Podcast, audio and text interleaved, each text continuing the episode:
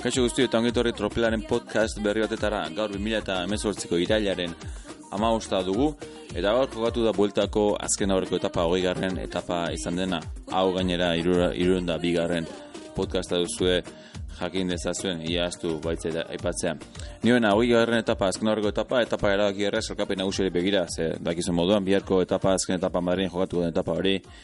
Ba, pasira etapa izango da, eta segurenik e, gizon azkarrentzat, edo gizon, ba, bueno, azken aukera, edo etapa garepen hori lortzeko. Kontua kontu, ba, indartsuena, aurtengo bulta honetan, Simon Yates izan dela ziurtatuta geratzen da, naiz eta gaur irugarren amaitu duen, eta salto egin dutenak, eta galdu dutenak, Mas eta López aurrera, eta galdu duena denbora. Balberde izan da, Balberde gezina jota izan baita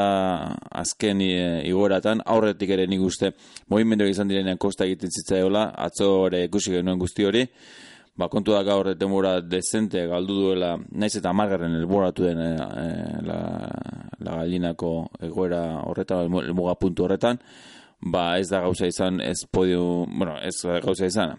Simon Yates urduri, urduri hartzeko eta e, eta ez da ere gainontzeko areriren aurrean podion pustuari eusteko. Horren beste, ez gaurko salgapenan e, eta gaztea, eh, errik maz, gaurko etapa garailea, esango nuke hausardiak egin erakutsi duna López, Miguel Ángel López izan dela, ez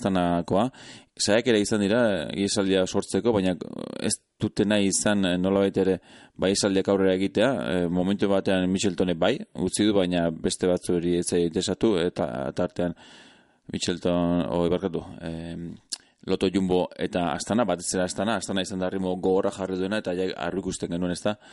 nola Miguel Angel López ebintzat, zehatu, zehatu nahi zuela, eta nik uste ez du lortu bigarrengo postu hori, baina irugarrena, eta beraz, aurten bi podium izango ditu handietan, gogoratu giroan eta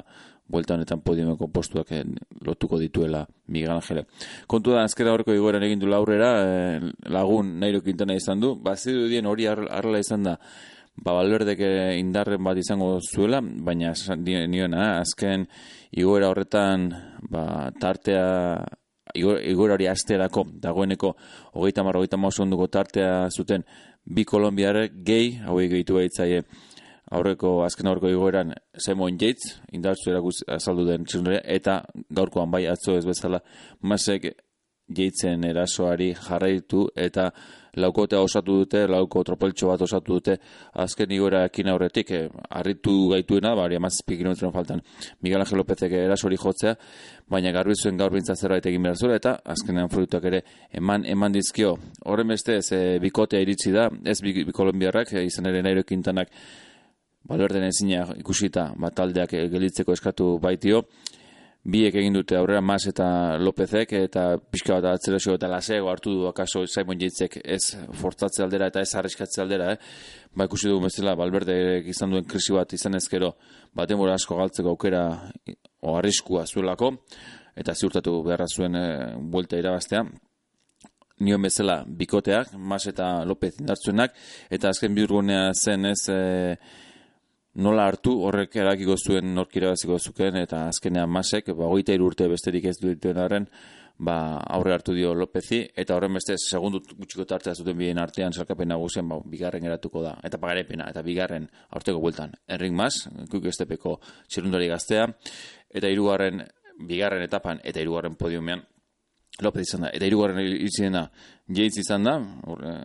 ordena galdatu beraz gaurko lehen iru postutan, ondoren Pinot, eh, Uran eta Kelderman, kruzuik ere ez, ez dio e, ritmoari uste gai izan, eta minuta amaika,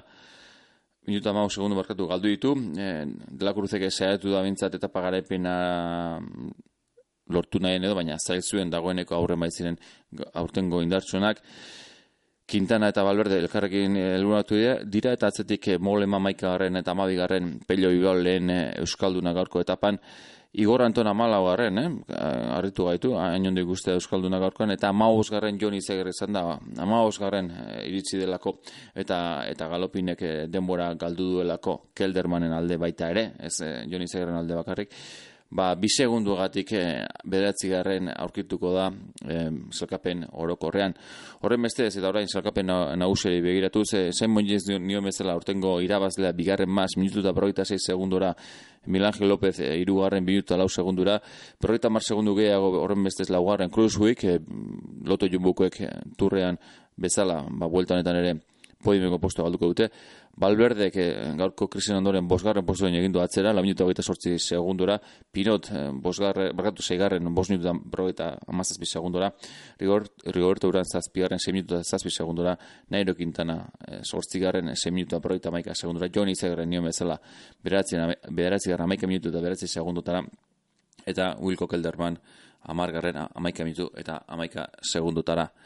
Gainontzean, ba bueno, Balberdek gaur e, podiuma galdu badu ere, ba, mailot berdea ez du galduko, ez zait iruditzen bintzat bihar saganek eta paira zidarren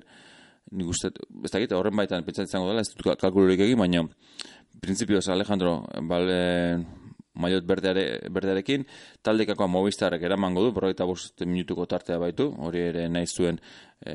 talde Espainiarrak. Tomas de Gent, eh, mendiko maiota ziurtatuta, honek bai esaldi horretan ez, eh, aurrera egin duela eta erakusi duela gogoa zuela lehen mendatetan aurrean sartu eta puntuak ziurtatzeko, ba, bueno, horren bestez lau eta punturekin bere izango da urtengo mendiko irabazlea eta kombinatuan, ba, aurreko urtetan bezala, aurtengoan ere, bueltako irabazleak eramango du, Simon Jetzek. Bihar, ba, goita garra etapa, azken etapa nioen moduan, e, sprinterrentzako aukera izango den azken aukera, nola ez, buelta honetan, egun da bate kilometrotako etapa laua, Madrilen amaituko dena, gogoratu ez, e, arratzalde gau partean amaituko dela, sortzidak eta laurden buelta horretan, hasiera busta eta laurdenak aldera izango da eta, bueno, zalantzarik eh, gabe, ba, gizon azkarrentzat aukera izango da, ez dakit zagan sartuko den, eta niona, eh, maiot berdearen lehia horretan izan daiteken, edo eta, ba, bibieni eta gainontzeko esprinterrek, eh, ba, aurre egin diezeoketen. Hori guztia bihar ikusiko dugu, eta horren beste ez bihar amaituko da aurtengo vuelta hori, bihar eta amaitu ondoren kontatuko dizuet. Ondo segi.